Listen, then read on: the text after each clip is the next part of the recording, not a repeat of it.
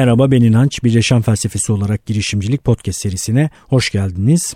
Ee, ev web sitesi üzerinden kayıt olabildiğiniz bültene baya bir başvuru oluyor. Bu da beni çok sevindiriyor bayağı hızlı bir şekilde e, üye sayısı artıyor. Instagram'dan ve Twitter'dan da beni takip edebilirsiniz. Her ikisi üzerinden de yine haberleşebiliyoruz. E-posta yoluyla da bana ulaşabiliyorsunuz. inancayar.gmail.com adresine e-posta gönderebiliyorsunuz. Bana her e-posta gönderen çok uzun zamandır e-posta göndermeyi düşünüyordum ama bir türlü gönderemedim. Şimdi artık gönderiyorum diye gönderdiğine göre elimizde muhtemelen böyle çok insan var. E, lütfen haberleşin, haberleşelim. Özellikle bir girişim fikriniz varsa danışabilirsiniz. E, fikrimi sorabilirsiniz.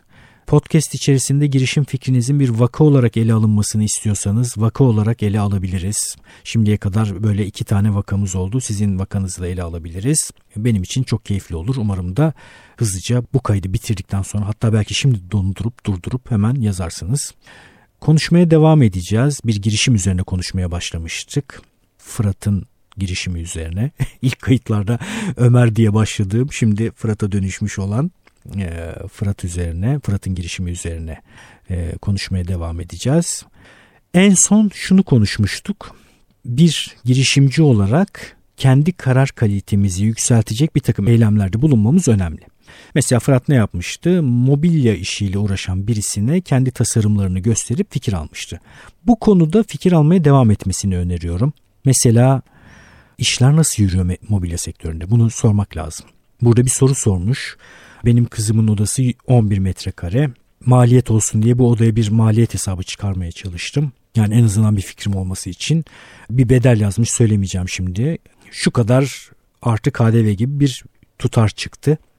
Bu fiyatta sadece masrafım var. Bana maliyeti bu demiş. Bence yüksek bir maliyet bu perakende açısından düşünecek olursak. Çünkü perakende de oranlar bildiğim kadarıyla sektörden sektöre değişmekle birlikte 1'e 4, 1'e 5 oranlarında değişiyor. Mesela ben bir dönem sahaflık yapmıştım. Çok enteresandır. Aslan Pasajı'nda, balık pazarında. Hani herkesin böyle bir şeyi vardır ya bir dönem sahaflık yapmak ister. Ben işte onu kardeşlerimle birlikte açtığım sahafta bir süre hayata geçirebilmiştim. Sahafı devralırken bize söylenen ilk şey şu olmuştu. Bir alıp beşe satacaksın. Yani 20 liraya aldığın kitabı 100 liraya satacaksın. Şimdi iyi güzel de şimdi ben bir kitap severim. Kendim kitap okumayı çok seviyorum. İnsanlar bana kitaplarını getiriyorlar. Sahaf olarak o kitapları satın almam gerekiyor. Yani 100 liraya satacağım kitabı 20 lira fiyat biçemiyorum. Biçemedim. Biçemedim. Olamadı yani. Biz de 1'e 3 şeklinde bir oran tutturmuştuk. E, battık. Olmaz çünkü. Yani bu oranlar ezbere konulmuş oranlar değil uzun süreli deneyimler sonucunda ortaya çıkmış oranlar. Yani demek ki saf çalıştırıyorsanız kira, sabit masraflar, vergi vesaire derken işte inişler çıkışlar, iş yapılan dönemler, iş yapılmayan dönemler hepsini topladığınızda demek ki biri alıp beşe satarsanız ancak bu işi yürütebilir hale geliyorsunuz. O arada çok enteresan insanlarla da tanıştım sahafta çalışırken. Bunu hep söylerim ben. Perakende iş yapıyorsanız filtre edilmemiş bir takım insanlarla karşılaşıyorsunuz. Yani bir markette, süpermarkette eğer kasiyer olarak çalışıyorsanız sizin karşılaşacağınız insan türlerini düşünün. Ya da bir öğretmenseniz okulda karşılaşacağınız insan türlerini düşünün. Bir öğretmenin karşısına özel bir okulda, lisede öğretmenlik yaptığını düşünelim bir insanın. Gelen insanlar filtre edilmiş insanlar. Filtre edilmiş bir insan grubuyla karşılaşıyor. Bir de polislik yaptığınızı düşünün. Orada başka bir filtre çalışıyor. Doktorların mesela insanlarla kurdukları iletişimde bir takım sıkıntılar yaşamasının temelinde bu vardır bence. Benim tespitim bu yönde. O kadar filtresiz ve geniş bir toplumsal kitleyle çok yoğun bir etkileşim yaşıyorlar ki bu etkileşimlerin sonrasında bütün bu etkileşimlerin bir ortalamasını alarak ortalama bir iletişim tarzı tutturuyorlar. Şimdi bir doktorun kendi yaşam pratiği içerisinde herkesle ona özel, onun kendi iç dünyasına özel, onu karşılayacak bir iletişim kurması gerçekten çok zor. Günde kaç vakaya baktıklarını ve kaç tür insanla karşılaştıklarını düşünün. Biraz riskli de olsa hızlı bir şekilde belki de işte mikro bir takım e, ipuçlarını kullanarak, beden dilinize bakarak, kıyafetinize bakarak, e, odaya giriş biçiminize bakarak size bir ortalama iletişim tarzı tutturuyorlar. Bazı durumlarda da tabii ki bu iletişim tarzı çok enteresan bir şeyle karşılaşabiliyor. Karşı tarafta karşılığını bulmayabiliyor. polisle iletişime geçtiğinizde de benzeri bir şey yaşamanız muhtemeldir. Onlar da sürekli şüphe etmeleri gereken bir kitleyle öyle filtre edilmiş bir kitleyle karşılaştıkları için karşılarına dünyanın en zarif insanları da çıksa ve bir şans eseri diyelim ki birisi bir şekilde karşılaştılar bir polisle bir etkileşime girmeleri gerekiyor. Dünyanın en zarif insanlarından birisiniz hiçbir şansınız yok. Çünkü o polisin e, bütün o filtre edilmiş ilişkilerden çıkardığı bir ortalama iletişim biçimi var ve size de onu uygulayacaktır. Yani bir şekilde karar kalitesini buraya bağlamıyor yani dedim falan ama yani diyerek kurtulmayacak bu iş. Niye bunu anlattığımı unutmuş durumdayım şu anda. Önemi de yok. Yani güzel bir şey sonuçta. E, konuşmuş olduk işte. İletişim tarzı ile ilgili, karşılıklı etkileşimle ilgili böyle bir takım sıkıntılar yaşayabiliyoruz. Ben e, Fırat'a bolca soru sormasını öneriyorum. Aa perakendeden çıkmıştık. Tabii tabii benim sahaf deneyimimden çıkmıştık. O kadar enteresan vakalarla karşılaştım ki onu anlatıyordum size. Filtre edilmeden insanlar bana geldiği için safa öyle insanlar geliyor. Yani deli olmaya çok yakın insanlarla da karşılaştım. Ee, çalma hastalığı olan insanlarla karşılaştım. Ee, gelip her gün bir buçuk iki saat sohbet eden insanla karşılaştım. Ee, özellikle mekan sahibi olanlar bilirler. Bir mekan çalıştırıyorsanız perakende bir işiniz var diyelim ki. Her gelen kendi geldiği süreyi sizin açınızdan sayar. Yani siz onun açısından boşta duran, çay içilebilecek ve sohbet edilebilecek bir insansınızdır. Ve sizinle bu şekilde etkileşim kurar. Cemil'in de şu dönemler en çok sıkıntı çektiği şeylerden birisi bu. Herkes mesela Cemil boşta durup düşünmeyi de seven birisi. İngilizce çalışmayı seven birisi. işte ne bileyim müzik dinlemeyi seven, kitap okumayı seven birisi. Ama her dükkana uğrayan bir, bir buçuk saat onunla sohbet etmeye çalışınca arada sıkıntılar çektiğini söylemişti. Ben de sahaf döneminde böyle bir şey yaşamıştım. Evet yani her sektörün kendine özel bir takım oranları ve kuralları var. Onun için bu sektörde işlerin nasıl yürüdüğünü çalışsın Fırat. Mobilya nasıl üretiliyor? Kaça alınıyor, kaça satılıyor? Ee, nasıl dağıtılıyor mobilya dediğimiz şey? Bayi ne kadar para alıyor? Satan ne kadar kazanıyor? Üreten ne kadar kazanıyor? Oranlar ne? Ne? İnsanlar ne gibi paralar veriyorlar? Kaç lira olursa bir mobilya satılamaz hale geliyor. Maliyet kaç liraysa o işe hiç girmemek lazım. Bakın bu bütün söylediğim şeyleri karşınıza alacağınız bu işte uzman birkaç kişi size böyle yarım saatlik bir çay sohbeti sırasında hızlıca söyleyebilir. Bunu bile yapmadan bu işe kalkışan insanlar olabilir. Bunu yapmamak lazım. Yani alabileceğiniz en fazla veriyi doğru insanlardan hızlıca almaya çalışmanız gerekir. Sonrasında daha uzun soluklu danışmanlık ilişkileri kurmanız gerekiyorsa bundan da kaçınmayın. Danışmanlık insanların çok para vermeyi sevmediği bir e, iş türü ama iyi kullanılırsa, doğru kullanılırsa da çok yüksek kaldıraç gücü vardır. Evet, maliyeti şu kadar. Sadece benim masrafım nasıl diye sormuş bilemiyorum. Gerçekten sektörden sektöre göre değişiyor. Bana yüksek gibi geldi.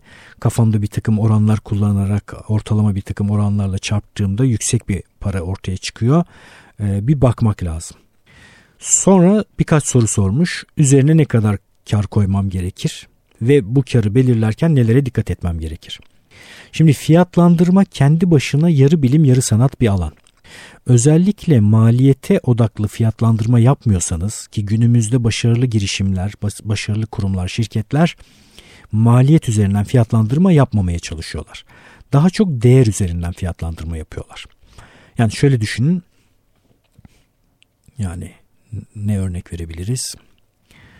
Ee, bir spor ayakkabıyı düşünün. O spor ayakkabı iyi bir markanın bir spor ayakkabısını düşünelim maliyetine bakarak bir karar vermemek gerekir fiyatını düşünürken. Orada spor markası yaptığı tüm o iletişimin ortaya koyduğu marka değerini de benden almaya çalışıyor. Çünkü o spor ayakkabıyı giyerken bana yaşattığı bir duygu var ve ben o duygunun peşinde koşarak belki de o markayı alıyorum. Dolayısıyla markanın ürettiği maliyetten bağımsız başka bir değer türü var. Bu değer türünü fiyatlamış oluyor.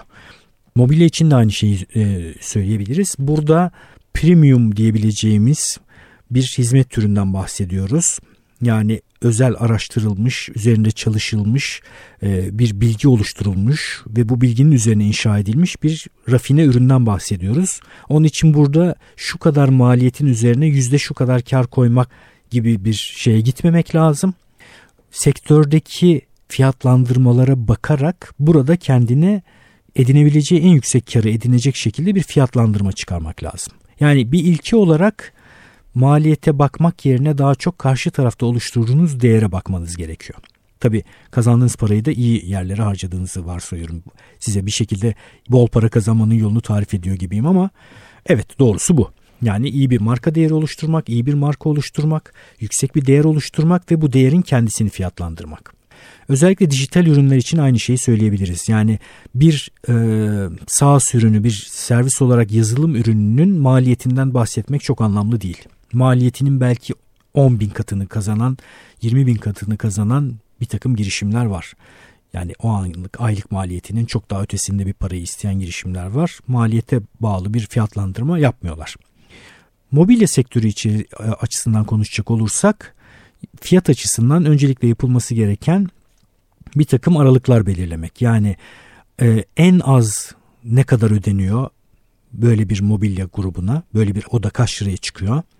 Buna en yüksek parayı ne kadar veriyor insanlar? Mesela birisi bakıp bu en yüksek paranın iki katı parayı insanlardan almaya çalışacak marka değerini oluşturup o iletişimi kurgulamaya yola çıkıyorum da diyebilir. Yani şöyle özetleyelim. Satın alma kararında fiyat o kadar yüksek bir belirleyici değil. Muhakkak bir etkisi var ama telefon piyasasını düşünün şimdi. Çeşitli markalar var. Orada kendi kullandığı ve tercih ettiği markaya yakın bir işlevsel değer sunsa bile başka bir markayı sırf markası farklı olduğu için ve ona yaşattığı deneyim ve duygu farklı olduğu için daha ucuz aldığı halde tercih etmeyecek bir sürü insan var. Zaten işler böyle yürümüyor artık. Önemli olan işin duygu tarafı, yaşanılan deneyim tarafı. Değer dediğimiz şey çok boyutlu hale gelmiş durumda. Yani bilmiyorum ne kadar kar koyman gerektiğini alabildiğin kadarını al Fırat ve bu aldığın parayı da güzel işlere kullan. İkinci soru bu fiyat ürünü premium hizmet sınıfına mı sokar? Uygun fiyatlı fazla satışlı ürün sınıfına mı sokar? Yoksa arada kalan o istenmeyen işimin zor olduğu alanda mı kalırım? Peter Thiel'in bölgesinden bahsetmiştim ben. 1 dolar 10 dolar 100 dolar civarı pazarlama ve satış ve kitlesel satış bölgesi 10 bin dolar doğrudan satış sonrası kompleks satış diye de bir ayrım vardı. Aradaki bölgede ölüm bölgesi diyordu Peter Thiel. Çünkü ne e, reklam pazarlama yapacak kadar yüksek volümde iş satıyorsunuzdur e, ne de doğrudan satış yapacak kadar yüksek maliyetli bir şeyi ortaya koyabilecek kadar da yüksek bir geliriniz vardır. Ortada bir yerdesinizdir. 10-15 bin liralık bir şeyi sürekli satmaya çalıştığınızı düşünün. Volümsüz bir şeyi. Yani ayda bir iki tane maliyetleriniz de var. Böyle bir durumdaysanız patinaj durumundasınız demektir. Şimdi burada meseleye nasıl bakmak lazım? Bu ürün nasıl bir üründüre bakarken e, mobilyadan bahsediyoruz. Perakendeden bahsetmek lazım. Yani bayilerle dağıtılabilecek bir şeyden bahsediyoruz aslında. Ya da çeşitli bebek mağazaları eliyle kanalıyla dağıtılabilecek bir şeyden bahsediyoruz. Aslında böyle bir ürünün normalde çalışabilen, işleyebilen bir versiyonu e, yılda e, minimum işte 3-5 bin 10 bin tane satabilmesi gerekir. Eğer bu işin kitle bazlı sürümden kazanan bir iş olduğunu söylüyorsak. Ama yılda 15 20 30 tane falan işte hani birileri işte webten sipariş veriyor, sosyal medyadan sipariş veriyor. Tanıdıklar birbirine söylüyorlar. Bir müşteri bir başkasını tavsiye ediyor, getiriyor. Böyle işte 10 15 20 tane yılda satıyorsak bu biraz daha butik, biraz daha özel hizmetin içinde yer aldığı bir işe giriyor. Bu kurguda ancak premium hizmet vererek, çok yüksek paralar alarak anlamlı bir iş yapmak mümkün. Yani şöyle yani tabii ki tamamen hepsi de orada e, bir şekilde tahmini rakamlar söylüyorum. Sadece işin mantığını izah edebilmek üzere. Örnek vereyim. Mesela böyle bir mobilya işinden 50 bin liralık bir fatura kesebiliyorsanız yılda 20 tane de satarsanız 1 milyon liralık bir fatura kesmiş olursunuz. Bunun premium bir hizmet kategorisinde bir şey olduğunu o zaman söyleyebiliriz. Yani birkaç kişinin iş yapabileceği bir tür hizmet. Diğer tarafa gidiyorsak ama E, orada işte şey hacmin artması lazım. Dağıtım kanallarının devreye girmesi lazım. Bir takım anlaşmalar yapılması lazım. E, dağıtılan yerlerde iyi sonuçlar alması lazım. Çünkü insanlar da mağazalarına satmayan ürünleri koymak gibi bir istekleri yok. Dolayısıyla orada onlara da satış sağlayacak bir şey olması lazım. E-ticaret kısmına gelecek olursak çok kolay gözüktüğü kadar kolay bir iş değildir. Yani web sitesi açayım, oraya mobilyaları koyayım, fiyatlarını yazayım. Sonra bana e, siparişler yağsın gibi bir dünya asla olmadı olmayacak. E-ticaret kendi başına hangi e-ticaretle uğraşan insana giderseniz size aman kaç buradan diyeceği bir alandır. İmkansız değildir. Bu işi çok iyi yapan bir takım e-ticaret siteleri de vardır ama bu iş için mesela benim ilk düşüneceğim şey olmaz. Fırat uzun dönemli insanlarla iyi ilişkiler ve uzun ilişkiler kuracağı bir kurgu içerisinde düşünüyorsan bu işi ama senin yapacağın şey büyük ihtimalle önce bu işi böyle yılda 10-15 tane mobilya ile başladığın ve biraz ürünü geliştirmek üzere vakit geçirdiğin, kendini geliştirmek üzere vakit geçirdiğin bir modelle kurgulayıp rüştünü ispat ettikten sonra bir takım kendine özel marka değerleri ürettikten sonra bilinirliğin arttıktan sonra da dağıtım aramaya başlamak gibi bir yol sanki bana şu anda daha uygulanabilir gibi geliyor. Kazan kazanı daha yüksek bir yol. Yani yatırım gücün olsaydı ya da yatırım gücü olan birilerini buluyor olsaydın bu işi en başından itibaren uçabilecek bir şey gibi kurgula derdim. Başka bir yol olurdu. Ama tahminimce bunu biraz daha böyle kendini de öğrenerek, kendini de geliştirerek böyle keyifli keyifli tatlı tatlı yapmak isteyeceğim bir iş gibi gözüküyor bana. Yazdıklarından da böyle bir sonuç çıkarıyorum. Onun için öğrenmeli bir yolculuk olarak düşün. Küçük başla bütün bu söylediklerimden sonra ulaştığım nokta bu ama işte bu kayıttan sonra göndereceğim bir e-posta ile her şey değişebilir tabii ki. Sonra yavaş yavaş dağıtımla bu işi büyütürsün. Evet benim için yine çok keyifli bir kayıt oldu. Umarım sizler için de öyle olmuştur. Fırat'ın vakasıyla ilgili görüşleri olan varsa onlar da bana yazabilirler. Kendi fikirlerini bir vaka olarak ele almak üzere bana göndermek isteyenler beni çok mutlu ederler. İnançayar.com podcast sekmesinden bu podcast'te adı geçen kişilere kitaplara web sitelerine ulaşabilirsiniz. İnançayar.gmail.com adresine e-posta gönderebilirsiniz. Instagram'dan ve Twitter'dan beni takip edebilirsiniz. Görüşmek üzere.